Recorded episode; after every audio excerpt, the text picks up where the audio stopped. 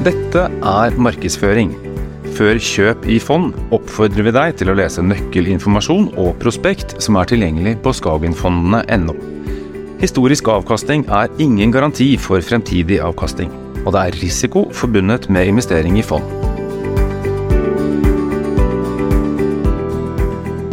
Ja, Hjertelig velkommen. I dag så skal vi snakke om hvordan du med enkle grep kan sikre deg og dine en god økonomisk fremtid, intet mindre. Og med meg i studio så har jeg med meg to av Skagens eh, stjernerådgivere, får jeg vel si. De er både flinke og erfarne, og det er formuesforvalterne Hege Winther Linseth og Anders eh, Martinsen, som eh, jeg tror har vært rådgiver i Skagen i noe nær en mannsalder. Og sammen så skal vi gi deg en oversikt, og ikke minst svare på alle de spørsmålene som du måtte ha om det vi kaller sparing til livet. Og da er det først og fremst hvordan du i um, ulike livsfaser kan dra nytte av fordelene ved fondssparing. Og uh, mens Anders beveger seg mot uh, storskjermen, så spør jeg deg, Hege, hvilke faser er det vi skal um, ta for oss uh, i, denne livsfasetankegangen? Vi skal først og fremst ta for oss det å spare til barn, eventuelt barnebarn, eh, deg sjøl som voksen og fremtidig pensjonist, eller hvis du er pensjonist nå i dag. Mm. Og da ser jeg at Anders er klar. Du skal gi oss et uh, kjapt uh, overblikk over de ulike spareformene som passer best, og um, ikke minst kraften som ligger i langsiktig sparing. Vær så god. Det stemmer, Ole Kristian. Jeg skal ta for meg tre relativt enkle foiler tre foiler som kan eh, fungere som et bakteppe for den eh, videre diskusjonen. Den første foilen jeg har lyst til å vise, handler om spareavtaler. Spareavtaler egner seg utmerket dersom du ønsker å spare til mindreårig, men det egner seg minst like godt til eh, de som er litt eldre og sparer til seg selv. Så lenge du er i sparefasen, så vil jeg hevde at spareavtaler i aksjefond er en av de beste langsiktige spareformene vi har. Det er ett begrep vi ofte snakker om når det kommer til spareavtaler. Det er renters rente. Og da hender det at jeg får spørsmål fra kunder. Hva er egentlig dette begrepet renters rente? Hva er det du mener når du snakker om det? Og for å illustrere så har jeg tatt for meg et eksempel. Eksempelet baserer seg på at du sparer 5000 kroner hver måned. Spareavtalen er altså 5000 kroner i aksjefond. Og så forutsetter jeg at du får 10% årlig avkastning. Jeg innrømmer at det er noe høyt, men det er for eksempelets skyld. Og så minner jeg om da, at Skagenfondenes eldste og mest kjente aksjefond har levert avkastning enda høyere enn som så. Ok, med det bakteppet. 5000 kroner månedlig sparing, 10% årlig avkastning. Hvor lang tid tar det da før du er millionær? Jo, da tar det ti år før du har tatt, opptjent den første millionen. Og så får du selv avgjøre om det var kort eller lang tid. Poenget er, hvor lang tid tar det før du får den neste millionen? Jo, den første tok ti år. Den andre millionen tar bare fem år. Nå har snøballen begynt å rulle. Hva da med million, million nummer tre? Jo, den tar kun tre år. Dette er renters rente i praksis. Jeg tror dette er grunnen til at vi ofte hører veldig rike mennesker si at den første millionen var den tøffeste. Det var eh, spareavtale, men hva da med de som ikke er i en sparefase? De som har nådd en alder hvor de kanskje skal begynne å høste av opptjente midler? Jo, til de så har vi det vi omtaler som motsatt spareavtale. I Skagen så kaller vi det uttaksavtale. Her har jeg et helt konkret eksempel. Det er en kvinne som i 2008 hadde to millioner i Skagen Global. Merk dere tidsåret er året 2008. Her har jeg startet før finanskrisefallet virkelig ekskalerte. Her har jeg vært slem mot eksempelet. Men denne kvinnen hadde to millioner i Skang Global i starten av 2008. Hun ønsket et uttak på 0,5% hver eneste måned inn på konto. Første måned får hun da 10 000 kroner. Neste måned avhenger av hvorvidt fondet og markedet er opp eller ned. Men det interessante her er at vi ser at denne kvinnen, hun har totalt fått utbetalt fra sine opprinnelige to millioner over to millioner. Og til tross for at hun har tatt ut over to millioner fra sine opprinnelige to millioner, så har hun i dag 3,2 millioner og litt til. Uttakene er større enn noen gang. Matematikken i dette er ikke veldig komplisert. 0,5% i måneden tar denne kunden ut. 0,5 ganger 12 måneder i året tilsvarer 6% årlig avkastning.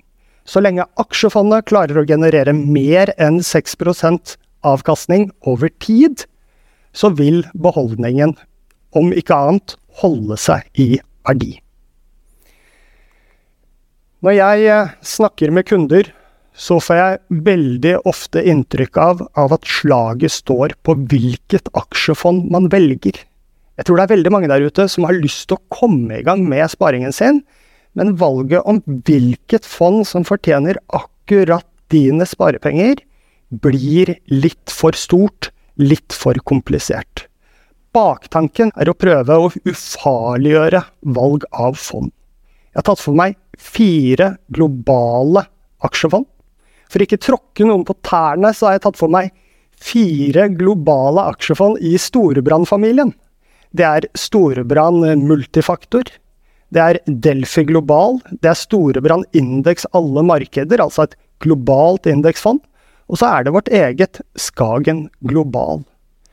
Uavhengig, og det du ser her, det er avkastningen til disse fire fondene fem, siste fem år. Jeg tror uavhengig av hvem av fondene du valgte, så er du rimelig fornøyd i dag. Alle fire fondene har gitt meget hyggelig absolutt avkastning. Så det viktigste er altså ikke hvilket fond du velger, men at du faktisk kommer i gang, og i hvilken grad du kommer i gang, og ikke minst hva du gjør underveis. Men et snev av snikkereklame innrømmer jeg at det er her, for vi ser vel at det er Skang Global som har vært det aller beste fondet i det mesteparten av denne femårsperioden. Vi skal selvfølgelig snakke mye mer om akkurat dette, og eh, jeg er ikke sikker på om det stemmer, men eh, Einstein skal ha sagt at rentes renteeffekten er verdens åttende underverk, og det er uansett et godt eh, sitat. Nå har vi i det minste satt eh, scenen. Vi skal starte med eh, å snakke om hvordan vi kan spare til barna våre. Og vi kan eh, forsøksvis da gjøre det litt systematisk. Vi vet at mange ønsker å gi ehm, barn eller barnebarn en god økonomisk start på livet. Og hvordan skal man få til det da, Hege? Først og fremst så slår jo børs bank. Skal du spare kortsiktig, så er banken fin plass å ha pengene. Men skal du spare lenger, så bør du investere pengene. Eh, og det er jo hovedsakelig fordi at pengene som står i bank, taper seg verdi pga. inflasjon og skatt. Så det er jo det som er fordelen med sparinga til barn, er jo at den er langsiktig. Vi har som oftest kanskje starter vi spareavtalen når barnet er 0-1 år, og tenker at det her skal vare i 15-20 år. Og det er jo det som er, at når vi sparer til barn, så er det jo ofte en grunn vi sparer til dem. At vi skal gi dem en økonomisk god start på livet fram i tid. Mm. Og eh, Anders, hva mener du da uh, er fordelen med å starte fondssparing så tidlig? Fordelen med å starte tidlig, det er jo hva jeg allerede har vært innom. Det er jo renters renteeffekten. Jo tidligere du starter, jo mer effekt får du av denne. I tillegg så er det jo slik i denne bransjen at jo lengre tidshorisont, jo lavere blir risikoen. Men det er ett element til som gjør at jeg er litt ekstra opptatt av at man skal starte med fondssparing tidligst mulig. Jeg startet jo selv med fondssparing til min datter den dagen hun fikk fødsels- og personnummer, og jeg hadde jo en baktanke. Jeg hadde jo en agenda. Min baktanke er jo å så et frø, skape litt interesse for sparing og fond spesielt. For jeg tror virkelig det er slik at den interessen, den kunnskapen du, du tar til deg i tidlig alder, på dette området, den har du jo glede av resten av ditt liv. Og det har jo også vært framme i debatten uh, i mange år, kan man vel si, at uh, nettopp uh, manglende undervisning i personlig økonomi, det, der er det et hull, et kunnskapshull, og ikke bare blant barn, men det er en del voksne også som kunne trengt å, å, lære litt om det. Men Hege, hvordan skal vi egentlig spare til barna, da? Det er litt sånn som Anders sa i stad, en spareavtale. Både deg sjøl og ungene, det er gull verdt. Opprett den spareavtalen. Se pengene går ut, og de settes i arbeid. Til og med små summer kan vokse seg til å bli stor. Så det handler bare om å komme i gang. Mm. Og i tillegg, det er ofte det, det, du gjør som foreldre, men i tillegg så har du gavebev, som f.eks. besteforeldre, tanter og onkler og sånn kan gi i bursdagsgave, julegave, konfirmasjon og barnedåp. Mm. Og det er jo en hyggelig ting å gi, og så kan man gi noe ved siden av eventuelt, da, hvis man uh, syns det blir litt lite ved en, en uh, konvolutt. Eh, Anders, hvordan eh, har du gjort det? Du har jo en datter, som du har nevnt. Ja, jeg har det, og hun fikk jo aksjefond den dagen omtrent hun ble født. Syns det var irriterende og lenge å vente på fødsel og personnummer. Så jeg sparer i hennes navn. Der får hun eh, bursdag, julegaver, snart konfirmasjon, hvis besteforeldre, tanter og onkler syns det er vanskelig å gi gave, så sier jeg det er helt greit, da gir dere fond til henne. I tillegg så sparer jeg i eget navn, ment for henne, da. Mm. Det er et poeng for meg også å spare noen kroner i hennes navn, i håp om å vekke denne lille interessen. Mm. Vi skal snakke mer om, om problemstillinger knytta til spare i barnets navn og foreldres uh, navn, og fordeler og ulemper med det, men, men vi skal um, gå til de innsendte spørsmålene. Vi har fått inn veldig mange, og det er vi selvfølgelig veldig glad for. Vi skal uh, forsøke å svare på så mange som mulig. Og vi starter med noe som både mediene og mange andre er opptatt av. Og som dere ser av disse faksimilene, så er det dramatiske overskrifter i avisene om eh, boligmarkedet om dagen. Nedturen fortsetter, krise i nyboligmarkedet osv. Og, og vi har en innsender som da lurte på om det er best å spare i fond til barna eller ungdommene, eller kjøpe en leilighet som de da kan leie billig. Hva tenker du om det, Anders? Det er et stort spørsmål. Jeg velger å begrense det til å handle om skal man spare i aksjefond, eller skal man kjøpe seg en sekundærbolig? Det er på en måte veldig ulike ting. La meg ta forskjellene. Bolig er vel eh, noe av det mest kapitalkrevende vi har. Aksjefond er noe av det minst kapitalkrevende. Bolig er tidkrevende. Jeg kan ikke kjøpe min bolig og glemme den da forfaller den. Jeg vil hevde at du med fordel kan glemme dine fond og fort få bedre avkastning av det. I tillegg så er jo bolig en aktiva som er forbundet med høye kostnader. Tenk på de veldig høye kjøp- og salgskostnadene. Tenk på, tenk på vedlikeholdskostnadene. Faste utgifter som uh, løper. Og så er det en myte, vil jeg hevde, at boligmarkedet har gitt høyere prosentvis avkastning enn aksjemarkedet. Jeg gikk inn på boligpriskalkulatoren som jeg fant på nettet i dag, og der la jeg inn følgende. Jeg valgte å være veldig snill mot boligmarkedet, og satte starttidspunktet til 1993. Hvis vi skrur klokka tilbake, da hadde det vært boligprisfall i fire-fem år. Boligmarkedet hadde rast. 1993 ultimate tidspunktet å kjøpe bolig på. Så la jeg inn at jeg kjøpte en, million, en bolig til én million i 1993, og jeg kjøpte den i Oslo. Da fant jeg at den eh, boligen hadde i dag en verdi på ca. 13 millioner. Flott avkastning. Men nå er nå tilfeldighetene slik, da, at i 1993 så startet Skagenfondet sitt første fond, Skagen Vekst. Og da klarer jo ikke jeg å dy meg. Én million i Skagen Vekst i 1993 ville i dag ha vært over 40 millioner. Og så er det en veldig stor forskjell når man sammenligner disse to aktivaene. Og det er at bolig er en av ytterst få aktivaklasser som får lov til å presentere avkastningstall før kostnader. Det til tross for at bolig er veldig kostnadskrevende. Så de 13 millionene som den ene millionen hadde blitt til i boligmarkedet, det er før kostnader, mens Skagen Vekst-tallene det er etter kostnader, og det gjelder alltid for verdipapirfond, så jeg har fått sagt det. Avkastningstall er alltid hensyntatt kostnader.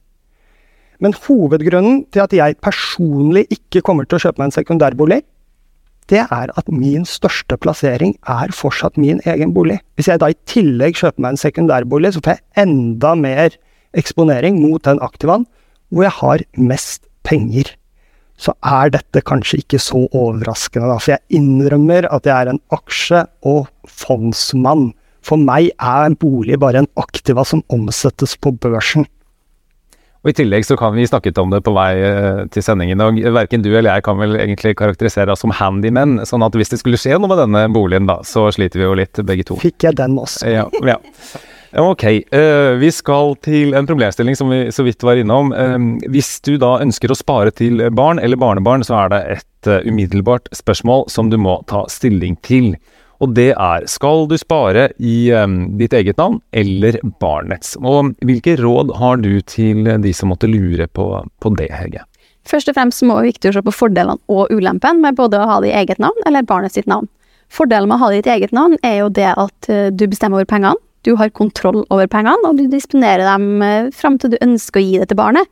Så du kan velge å gi det når de er 25 og ikke 18.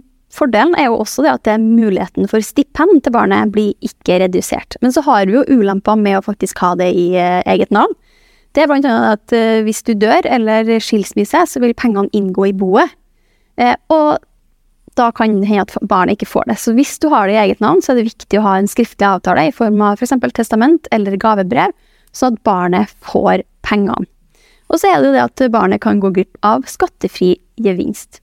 Men så har du jo fordel av å ha det i barnet sitt navn også. Og det er jo det at det ikke inngår i boet ved skilsmisse eller dødsfall. Eh, og så er det sånn som Anders sa her, at eh, barnet får mer eierskap i forhold til pengene, og har mer litt sånn godfølelse og ønsker å delta på det sjøl. Men så er det jo det med faktisk den skattefrie gevinsten, Anders. Ja, Det er helt riktig, og det er et uh, lite fullt lovlig skattetriks som jeg føler er veldig lite kjent. Det handler om at uh, idet du er 17 år, tror jeg det er, så får du din første skattemelding. Det er veldig mange 17-, 18-, 19-åringer osv. som har lav eller ingen inntekt. I det momentet så kan det være fornuftig å realisere noe gevinst, og da gjøre en relativt stor andel skattefri. Dette handler om minstefradraget. Det er et lurt triks. Ulempa med at det står på barnets navn, Blant annet det at barnet kan få redusert eh, stipend hvis det er gitt over en viss formue. Ja, For studielån, da. Ja, for studielån. Ja. Stipend. Eller studielånet får du uansett, men det er stipendet du får redusert. Ja, eh, og så er det jo det hvis formuen til barnet overstiger to ganger grunnbeløpet, eh, så kan statsforvalteren komme og begynne å forvalte pengene. Men så er det jo sånn som vi har snakka om, at eh, hvorvidt er det aktuelt, og hvor ofte gjør de det faktisk. Da er det kanskje mye mer ved forsikringsutbetalinger eller dødsfall. Og så er det jo den eh, store frykta til kanskje alle foreldre, at eh, barnet får kontroll over pengene når de blir 18. Du ikke kontrollerer om det skal, hva det brukes på. Det kan gå i vei på en russebuss i stedet for f.eks. boligkjøpet du ønsker som foreldre. Men det er jo litt sånn den hovedregelen du kan tenke deg, en sånn fin løsning, er at eh, den sparinga jeg gjør sjøl, det gjøres i mitt navn. Og gavene og gavebrevene barnet mitt får, gjøres i barnet sitt navn. Veldig godt tips. Og så har vi da fått et innsendt uh, spørsmål som vi skal svare på. Uh, han, uh, eller innsender, skriver Jeg har spart i fond til mine barn i mitt navn. Nå har barna blitt 18 år, og jeg vil gi de fondene. Er det noe spesielt jeg bør tenke på i forbindelse med dette? Hege? Hvis du ønsker å gi barnet fondet, så er det helt, helt mulig. Si alle pengene står på én konto i ditt navn. Du ønsker å dele opp kontoen, så første du må gjøre, er å opprette en ny aksjesparekonto for å så overføre midlene du ønsker til den aksjesparekontoen. Og når det er gjort, så overfører du hele den aksjesparekontoen til barnet. Mm. Og da vil det bli en skattemessig kontinuitet, altså at uh, skatten blir med på den kontoen. Nemlig. Så det er jo ikke noe skatt før du tar ut avkastninga. Og det er jo noe vi gjør ofte. Eh, senest forrige uke så hjalp jeg med en kunde akkurat, eh, akkurat det, så det er jo noe vi hjelper med som rådgivere. Veldig bra. Vi skal gjøre et lite sceneskifte, for um, vi skal snakke om hva vi som har kommet til sjelsår og alder uh, kan gjøre da, for å skape et uh, slags økonomisk uh, rom. Og det er vel først når vi runder 30 at mange begynner å tenke på sparing, eventuelt seinere. Og for å ta det med en gang, du trenger altså ikke være rik for å spare i fond. Minste sparebeløp er 250 kroner, og så er det sagt.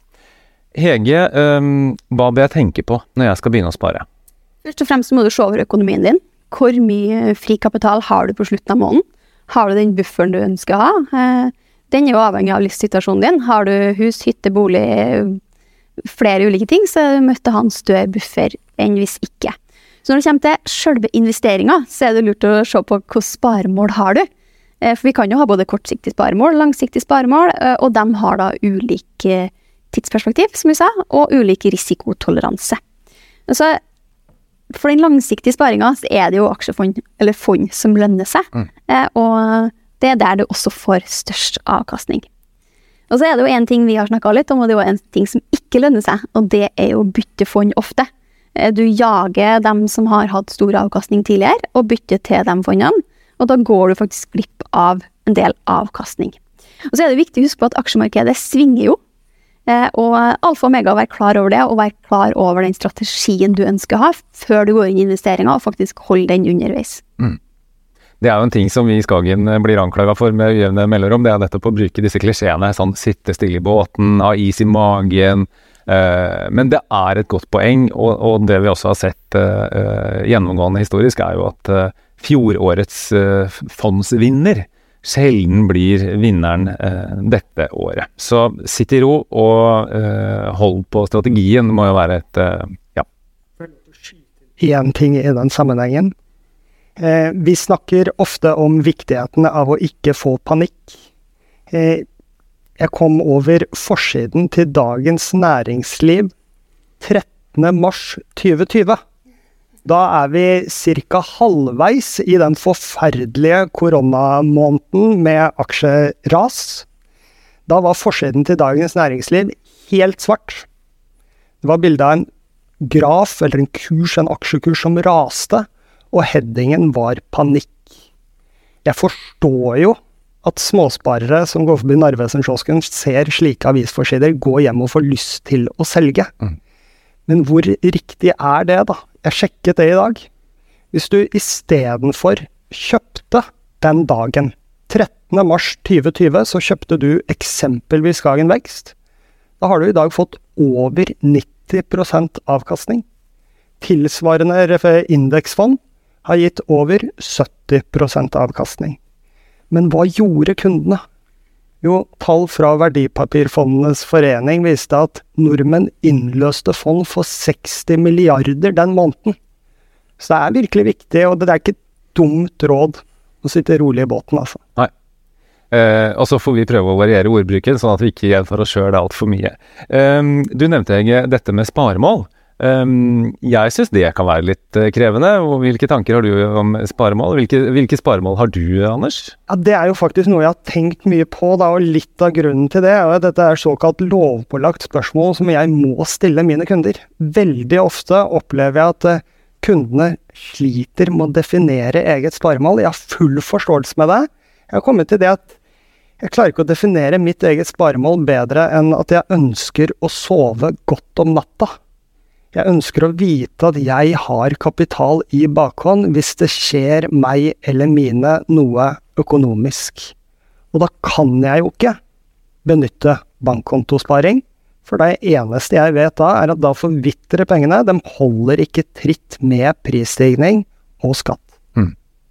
Og så kommer vi tilbake til det seinere også, men det kan jo være et varemål rett og slett å tenke at uh, når jeg ikke jobber lenger, så har jeg penger i bakhånd som gjør at jeg kan leve akkurat det livet jeg har lyst på. Um, men så er det da hvordan vi skal spare, og da er vi enige om, tror jeg, alle sammen, at en spareavtale er den um, enkleste og ofte beste måten å spare på. Men hvorfor er det så smart, Anders? Det er jo smart pga. denne renters renteeffekten. Det er smart pga. at skal det bli noe ut av det, så må det jo være langsiktig. Men den store fordelen er jo at du eliminerer faren for å kjøpe og plassere alle pengene på et uheldig tidspunkt. Istedenfor så kjøper du på et snitt av kurser, så du får aksjemarkedets gjennomsnittlige avkastning. Det er hovedgrunnen. Mm. Og så er det enkelt. Du, slipper, du starter spareavtalen, øh, logger deg på å gjør, gjør det du skal. Det tar noen minutter, og så slipper du å tenke på det. Veldig enkelt. Det er en ting som er kjempeviktig med spareavtalen, og det er å ikke redusere den eller slette den med begrunnelse at nå er markedet trist og leit. Jeg husker du og jeg hadde en podkast etter Putins invasjon av Ukraina. Da innrømmet jeg at nå har jeg skrudd opp min spareavtale til det min lommebok tåler. I ettertid så var det lurt. Ja, og det er nettopp det. Så øh, ha, litt, øh, ha litt nerver av stål og um, kjøre på. Og i hvert fall ikke stopp spareavtalen, selv om det kan se litt mørkt ut på avisforsidene. Så til et spørsmål som mange lurer på, og som egentlig er ganske viktig, en viktig avklaring. Skal jeg spare i fond, eller betale ned på lån? Det er jo på mange måter det evige spørsmålet. Skal man nedbetale på lån eller spare i aksjefond? Og vi må vel innrømme, Hege, at sånne som meg og deg har ikke vært flinke nok til å argumentere for at nedbetaling av lån, det er absolutt ikke den dummeste spareformen. Den åpenbare fordelen er at du vet hvilken avkastning du får. Og avkastningen du får, den er lik din effektive lånerente. Når det er sagt, så betyr jo det også at du binder opp enda mer kapital da, i den aktivaen som veldig mange av oss allerede har mest kapital plassert. Trenger du da kapital, og dette har vært den eneste spareformen din, så må du jo litt forenklet ringe banken, og så er du like langt. Så jeg sier som Ole Brumm, ja takk, begge deler. Jeg er stor tilhenger av å kombinere dette. Og igjen, nå gjentar jeg meg selv, starter du tidlig i dag, så nyter du godt av renters renteeffekten enda mer. Mm. Og så er det også et, et, uh, poeng, eh, dette med å kanskje tenke at betale ned lånet til et uh, skal vi si, komfortabelt nivå. Bra at du nevnte det. Takk. Selvfølgelig er det alfa og omega at du først har en gjeldsgrad som du er fortrolig med. Og den må jo være av en slik art at du har krav på bankens beste rentetilbud. Mm. Det handler ofte om at du er innenfor 60 da, som man sier, er det ikke det? Jo, som regel så handler det om 60 av hmm. boligens verdi. Mm. Det er eh, mange vanskelige ord og uttrykk i vår bransje, og risiko er et av dem. Eh, hva er det, og hvilken betydning har det for den avkastningen som jeg kan oppnå, Hege? Risiko kan enkelt forklares. Det handler om svingninger. Eh, og det kan jo være positivt og negativt, men hovedsakelig positivt, for det kan også gi mer avkastning. Men det er jo det sånn at jo lengre tidshorisont du har, jo lavere risiko blir det også. Men så er det sånn at risikoen er jo ikke konstant, den forandrer seg med tida. Så det er viktig å vurdere å endre eventuelt på sparemål, eller ikke sparemål, men sparemåte, da, underveis. Mm. Og det man kan si er at f.eks. Eh, et aksjefond, da, mm. uh, har en eller annen eh, risiko. Man ser det ofte på nettsiden, ikke sant? så er det en, en eh, risikoskala. Mm. Um, men hvis vi tar Skagen Vekst-eksempelet, på 30 år, så vil jo ikke det være samme risiko eh, over hele den 30-årsperioden. Nei, på så. ett års sikt så er det jo høyere risiko enn f.eks. på ti års sikt. Det er jo derfor også vi har en tendens til å si sitt langsiktig. Mm. Da går også risikoen ned. Nemlig. Godt poeng. Jo lenger du sparer, lavere risiko. Godt. Så har vi en innsender som er usikker på hvordan eh, vedkommende best skal spare. Um, indeksfond eller et mer aktivt forvalta fond, og vedkommende har da lang sikt. Lite hjertesukk fra denne kanten, da, for da er vi inne på det igjen. Hvilket fond skal man velge? Når jeg hører eh, uavhengige økonomiske rådgivere siteres i media, så får jeg litt inntrykk av at det er her slaget står. Det er ikke riktig. Det er mye viktigere at kunden kommer i gang, og det er ikke minst viktig hva du gjør underveis i spareperioden. Mm.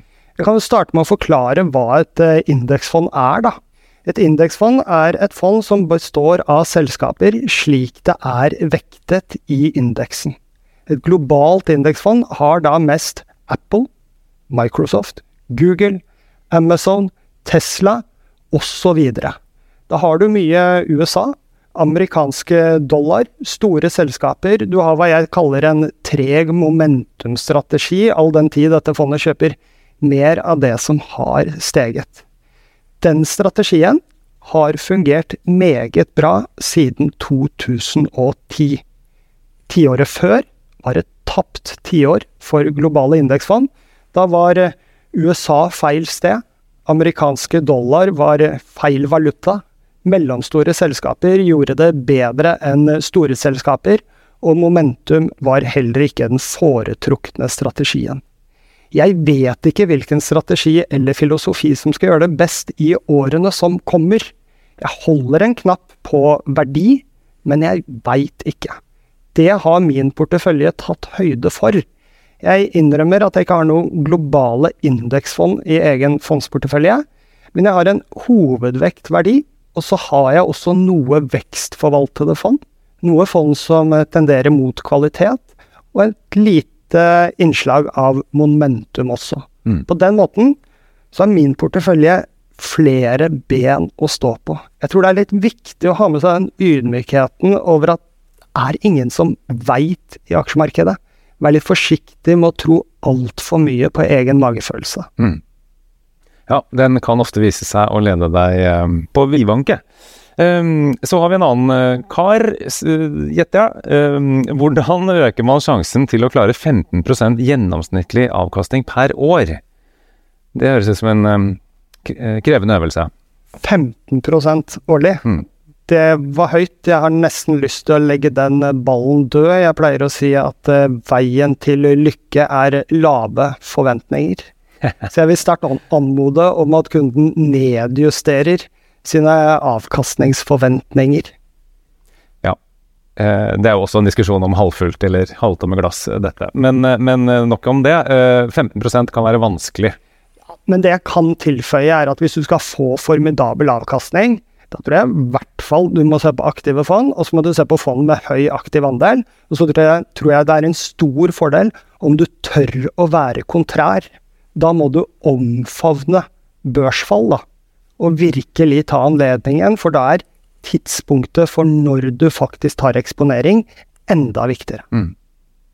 Ok, det er en, en anbefaling hvis du har høye avkastningskrav. Vi skal se litt på hvordan uh, man gjør det, da. Når man vel og vakkert har kommet dit hen at uh, man har vært flink til å spare. For selv om eh, sparemål kan være vanskelig å definere veldig konkret, så vet vi at det kan være lurt å spare til eh, pensjonisttilværelsen. Og mm, jeg tror etter dette at vi er enige om at den beste måten å spare til pensjon, det er en eh, spareavtale. Og når man da vel og vakkert kommer dit og har vært flink, hvordan eh, skal man da få brukt eh, disse pengene, Anders? Ja, hva du bruker dem på, det har jeg fint lite med, men eh, du kan starte en eh, uttaksavtale. Jeg tror Skagenfondet var en av de første aktørene som lanserte uttaksavtale, og jeg tror vi i hvert fall vi var den første som lanserte prosentvis uttaksavtale. Her har du tre former. Du kan ta ut et fast antall andeler. Da vet du når du er blakk.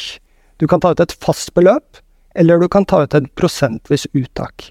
Skagen har alltid vært stor tilhenger av sistnevnte, og årsaken er eh, egentlig ganske enkel.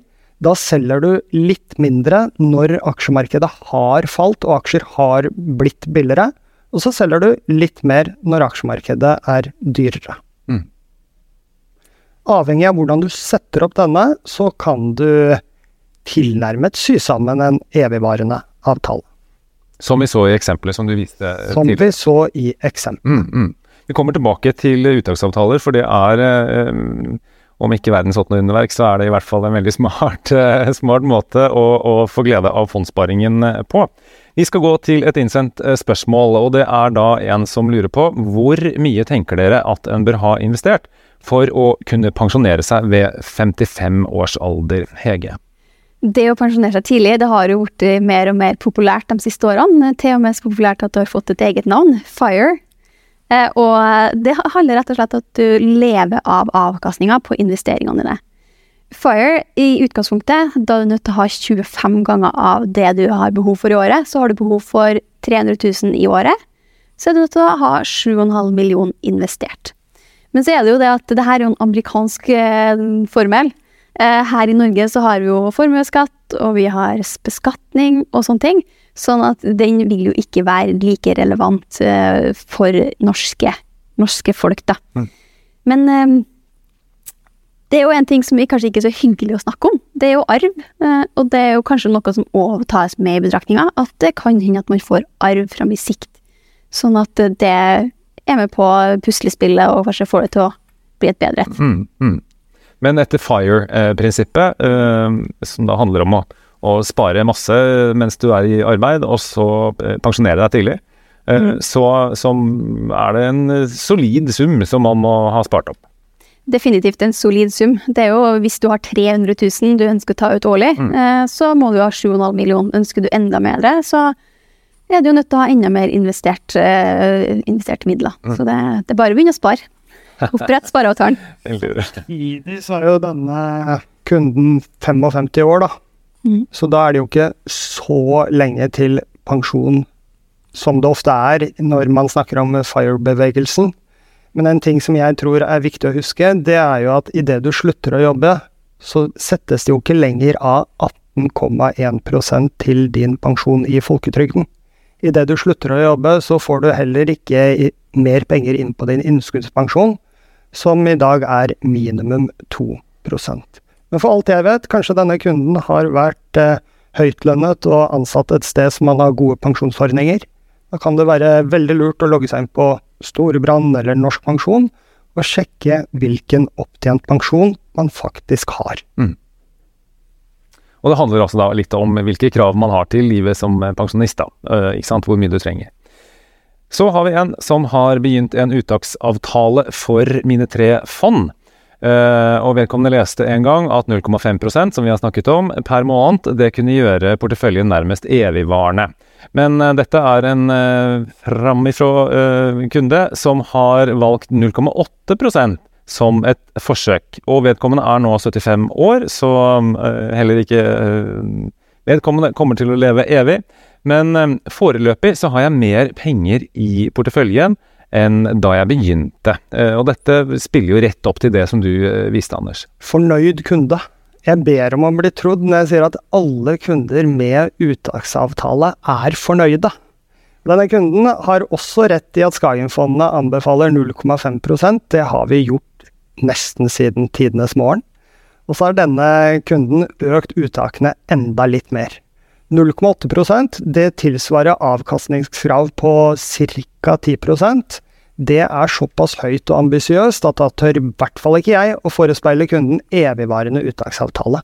Men så er det jo ikke alle som er avhengig av evigvarende uttaksavtale. Det er jo ikke alle av oss som skal leve evig. En liten uh, morsomhet fra meg privat. Jeg var hjemme på kaffeselskap hos mine foreldre her om dagen. De har selvfølgelig spart i fond i mange år. Nå har de gått inn i pensjonistenes rekker, og for en del år siden så opprettet de en uttaksavtale. Som er et hyggelig tilskudd til deres pensjon. Og så sier min far eh, til meg, jeg forstår ikke hva dere i Skagen surrer med om dagen. For jeg tar ut penger hver måned, men den saldoen min blir bare høyere og høyere. Og årsaken er at hans uttak er lavere enn den forventede avkastningen. Han har egentlig laget sin egen handlingsregel, om vi relaterer dette til oljefondet. Nok et område hvor vi småsparere kan lære av oljefondet. Mm. Og så kan du hilse faren din og si at hvis han syns han har for mye penger, så kan han sende det i denne retningen, f.eks., da. Um, og så har vi et eksempel til. Uh, en kunde som uh, har skrevet inn, uh, som du kjenner godt. Og han er da 72, øh, og han spør om tør du ta meg som et eksempel, eventuelt til skrekk og advarsel med så mye i aksjer. For øh, han har da ikke gjort sånn som mange sier man skal, nemlig å, å trappe ned aksjeeksponeringen sin. Ja, denne kunden kjenner jeg godt, og dette spørsmålet er, opplever jeg litt som mobbing, da. Kunden er 72 øh, år. Vedkommende har spart i fonds, fond i en mannsalder. Jeg vil si at han har mye penger i fond, og det er over 90% av dem som er plassert i aksjefond. Det til tross for at han tar ut penger mer eller mindre hver eneste måned. Husk at læreboka sier at vi skal ta ned risikoen, altså vekte oss ned i aksjefond etter hvert som vi nærmer oss sparemålet vårt. Det har jeg til det kjedsommelige markedsført overfor denne kunden, men jeg prater fullstendig til døve ører. Og det er helt greit. Denne kunden har tjent på å ikke følge mitt råd, og heller ha tilnærmet 100% aksjer.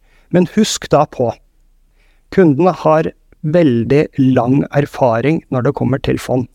Han har opplevd en rekke nedturer. Han selger ikke disse nedturene. I all hovedsak så har han forsøkt å kjøpe mer i de nedturene. Han er hva jeg kaller en kald fisk.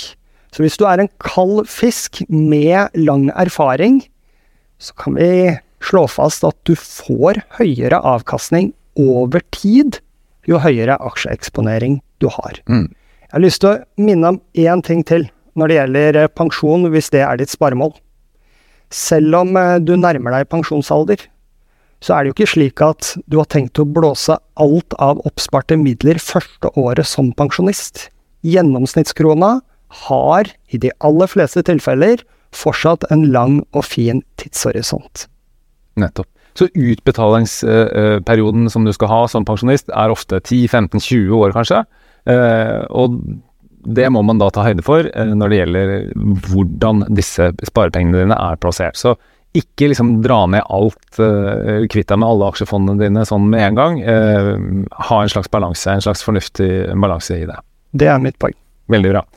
Vi skal til noen andre spørsmål som ikke kan plasseres direkte i disse tre boksene som vi har vært innom nå. Um, og det første er um, aksjesparekonto, for det er flere som har sagt at det må jo være en slags gavepakke til fondssparere. Fordelen det er stor fleksibilitet, og um, i tillegg så får man altså, uh, i hvert fall i vårt tilfelle, et mye større utvalg av fond på vår plattform. Men uh, så er det en innsender som lurer på hvordan er det med beskatning? Er det uh, ja, beskatning rundt uttaksavtale eh, fra en aksjesparekonto. Hvordan fordeles dette på henholdsvis innskutt beløp og avkastning? Hege? Først og fremst på en aksjesparekonto så betaler du ikke skatt før du har tatt ut hele innskuddet ditt. Så når hele innskuddet er tatt ut, det er da du begynner å betale skatt. Og per nå så ligger den skatteprosenten på rundt 38% Nettopp.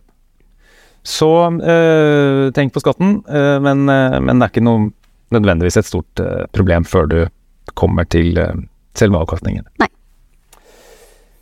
Så er det en som lurer på om det kommer flere eksterne indeksfond, og da regner jeg med at det uh, handler om Skagens plattform, da. og så lurer vedkommende på om det er aktuelt å redusere plattformavgiften for indeksfond, Anders? Flere indeksfond på Skagen sin plattform. Jeg tok en opptelling før vi gikk til dette møtet her. Da fant jeg 32 ulike indeksfond fra ulike aktører som kunden kan kjøpe på vår plattform. Så det er litt nysgjerrig på hvilke indekser man eventuelt savner. Men da kan kunden ta kontakt med sin rådgiver i Skagenfondene og ytre ønske om å få savnet verdipapirfond på vår plattform. Mm. Under 100 000 så betaler du 0,3% i plattformhonorar. Betaler du eller har du over 100 000, men under 1 million, da er plattformhonoraret 0,2. Er du så heldig at du har over 1 million, så er plattformhonoraret 0,1% fra første krone. Det er, slik jeg kjenner markedet, veldig svært konkurransedyktig. Det er til og med rimeligere enn mange av disse aktørene som påberoper seg posisjonen som den billigste aktøren der ute. Som et eksempel så betyr det at et billig globalt indeksfond, som f.eks. Storebrand global indeks, koster på vår plattform 0,2% gitt at du har over en million totalt hos Skagenfondene. Mm. Stort billigere enn det er jeg fristet til å hevde at det er vanskelig å gjøre det. Ja, jeg skjønner. Og det som da er viktig å gjenta, da, det er jo at for Skagens fond så er det ikke noe plattformhonorar. Og Det jeg også har lyst til å tilføye da, det er, mye snakk om indeksfond i dette webinaret, jeg merker det nå. Vi må ikke glemme det at Skagen Vekst har nå 30-årsjubileum. 13% avkastning, godt foran referanseindeks i perioden. Skagen Global har 26-årsjubileum. 14% årlig avkastning foran referanseindeks. Skal en Kon-Tiki 21 år 11% foran referanseindeks. Og så er det jo også slik at uh, den siste avkastningen på mellomlang og litt lengre sikt, den er jo også god, så det nytter jo ikke å hevde at Skagenfondene lever på gamle bragder. Det var reklamen. det var reklamen, ja. Det er veldig fint. Uh, vi skal gå litt videre uh, fra reklame til en som lurer på om fondsandeler kan flyttes fra en aksjesparekonto hos en annen forvalter til en ny en, uten at det utløser skatt på um, avkastning. Anders? Svaret på det er et rungende ja, gitt at pengene står på en aksjesparekonto. Da kan du i prinsippet flytte den akkurat dit du vil. Et lite forbehold, så kan det påløpe kostnader. Jeg vet at enkelte aktører der ute tar dessverre et såkalt flyttegebyr. Jeg tror dessverre at Nornett er i den kategorien. Da tar de betalt per fond som flyttes, så da kan det være en fordel å ha få antall fond på flyttetidspunktet. Skagenfondet tar selvfølgelig ikke noe sånne gebyrer, være seg fra eller til. Hvis pengene står uten, eller hvis fondet står utenfor aksjesparekonto, da gjetter jeg på at du fortsatt har en hyggelig gevinst. Da vil jeg fraråde deg å gjøre noe med fondet før du faktisk trenger pengene. Jeg vil også fraråde deg å sette ytterligere midler inn på et fond utenfor aksjesparekonto hvor du allerede har hyggelig gevinst. Da skal du heller ta og opprette deg en aksjesparekonto og kjøpe ønsket fond på den aksjesparekontoen. Mm. Og det handler da selvfølgelig om skatt? Det handler om skatt. Det er mer skattemessig gunstig å ha aksjefond på en aksjesparekonto enn utenfor. Hvis du setter mer penger inn på det fondet hvor du har gevinst utenfor aksjesparekonto, så blir neste uttak relativt dyrt, hensyntatt skatten. Mm. Flytt av aksjesparekonto. Kjempeenkelt. Logg deg inn hos Skagenfondet. Det eneste du trenger, er aksjesparekontonummer hos avgivende leverandør. Veldig bra. Enda mer reklame der. Eh, vi skal eh, Vi har jo snakket om privatøkonomi allerede, og vært innom at det kanskje med fordel kunne vært et tema i skolen. Men vi har fått en innsender som eh, er flink og setter opp et eh, budsjett men likevel så syns vedkommende at det er vanskelig å se om man klarer å følge budsjettet gjennom eh, måneden. Har dere noen tips til hvordan innsenderen kan få orden eller følge med, Hege? Først og fremst kjempebra at du setter et budsjett og faktisk har kontroll på økonomien. Når det gjelder det med å holde orden, eller å holde kontroll på utgiftene, så kan det jo gjøres på flere ulike måter. Blant annet det å ha en kontostruktur, sånn at du har flere kontoer. Én eh, konto for lønninger og én konto for regninger, f.eks. én for mat. Og enda kan du bryte lavere ned hvis du vil også. Det er noe jeg har gjort sjøl i flere år, og er kjempefornøyd med det. Eh, og det viser jo da underveis i måneden hvor mye har du brukt på de ulike postene. Og kanskje har du budsjettert for høyt på noen poster, og kan justere budsjettet så det kan være en veldig fin måte å løse det på, er å faktisk opprette flere kontoer. Da er det viktig å sjekke hos banken sin at det ikke er kostnader ved opprettelse også. Godt poeng. Men, men hvis det da er eh, gratis, så er det lurt å uh, opprette de kontoene på de viktigste postene i budsjettet ditt. Sette inn de summene som du har tenkt, og da veit du i det minste når det er tomt, at uh, da har du vært for snau i budsjetteringa di. Definitivt. Det er så lenge man ikke klarer å måte, føre det inn i Excel-fil, eller føre det manuelt underveis, så er kontostrukturering og oppsett der en veldig fin måte. Veldig bra. Eh, så til litt større forhold. Hvordan påvirker den amerikanske økonomien oss her i Norge om eh, de går i resesjon, eh, og det som da kan oppstå etter 1.6, Anders? Stort spørsmål. 1.6, det vil jeg anta at peker på gjeldstaket mye omtalt i media i disse tider. Jeg skynder meg til å minne om at negative nyheter har vel en tendens til å selge bedre enn positive nyheter. Men akkurat i dag så krangler al altså amerikanske politikere om hvorvidt de skal heve gjeldstaket. Og dette blåses opp til noe stort. Hvis vi ser på dette historisk, så så jeg en oversikt som viste at siden 1960 så har dette gjeldstaket blitt hevet 68 ganger.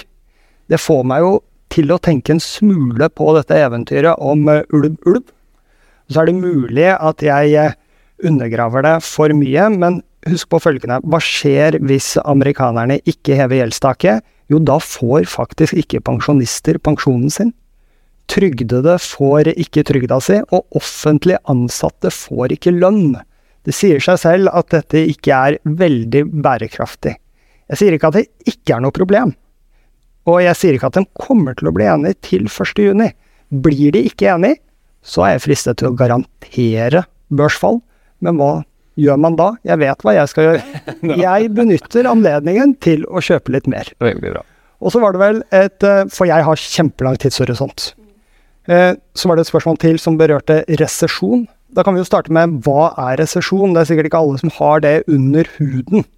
Resesjon defineres som fall i et lands bruttonasjonalprodukt to kvartaler på rad. Vi fikk akkurat melding om at Tyskland befinner seg i en slik resesjon nå. Så er det enkelte økonomer, eller veldig mange faktisk, som hevder at dette er ikke noe ordentlig resesjon. For for å være en ordentlig resesjon, så er nå arbeidsledigheten altfor lav. Så de lærde strides altså. Resesjon er jo ikke noe nytt. Jeg så en oversikt som viste at siden 1980 så har det i USA vært seks resesjoner med børsfall 20% eller mer. Med andre ord er dette noe som inntreffer hvert syvende år, sånn cirka. Problemet for en aksjeinvestor eller en fondskunde, det er jo at aksjemarkedet er fremoverskuende. Jeg pleier å si at aksjemarkedet er en ledende indikator i seg selv, og det er kanskje den aller beste glasskula vi har. Så når resesjonen inntreffer, så har veldig, aksje, veldig ofte historisk aksjemarkedet falt i forkant. Og så har kanskje aksjemarkedet allerede begynt å stige før vi finner støtte for dette i økonomiske nøkkeltall. Så denne timingen, det er utrolig vanskelig. Det er på grensen til umulig. Mm. Så påvirker jo amerikansk økonomi oss i kraft av at det er verdens desidert største økonomi. Har du et globalt aksjefond, så har du fort mellom 60 og 80% amerikanske aksjer. Så det kommer til å stor, uh, ha stor innvirkning, i, i, hvert fall for en periode, dersom dette ikke går veien innen 1.6. Ja, og om det blir resesjon også, så kan du spørre meg om det blir en resesjon, da. For det har jeg svaret på. Det blir en resesjon. Jeg vet bare ikke når, jeg. Resesjoner er en del av økonomien. Den kommer en gang. Ja. Det vet vi. Ja. Takk til dere to. Vi har snakket altså eh, om eh, veldig mye, syns jeg. Så vi skal forsøke å oppsummere litt, da. Uh, det er lurt å spare til barn. Og du kan både kjøpe gavebrev eller sette opp en spareavtale. Og så har vi en slags tommelfingerregel. Reelle gaver, altså gaver som er gitt til barna, de bør stå i barnets navn, mens eh, annen sparing, det kan stå på foreldrene. Og så for deg som voksen, da. Eh, der er det en spareavtale den smarteste måten å spare langsiktig på. Du sparer både i opp- og nedturer, og mm, dermed så kan du få en god gjennomsnittskurs. Uh, og er det lenge til du tenker at du skal bruke pengene, så er det 100% aksjefond som gjelder. Og så, da, når du har kommet dit at eh, du skal bruke av pengene, så er det veldig smart med en uttaksavtale. Det har vi jo sett. Du kan få månedlig tilskudd til f.eks. pensjonen din, eller hvis du ønsker å jobbe redusert en periode. Um, og samtidig da, med en uttaksavtale, så får du avkastning på restbeløpet. Og som vi hørte av en innsender, så har han altså mer penger igjen nå, selv om han har eh, gode uttak hver eh, måned. Det er eh, mange ord og uttrykk som kanskje kan være vanskelig å forstå. Og syns du det er vrient å komme i gang med sparingen, eller har spørsmål til eh, hvordan akkurat du bør gjøre det, så mm, kan jeg anbefale at eh, du tar kontakt med mine eminente meddeltakere, Hege og Anders, eller en av de mange flinke rådgiverne våre. Og så vet jeg at de kommer til å gjøre alt de kan for å hjelpe deg.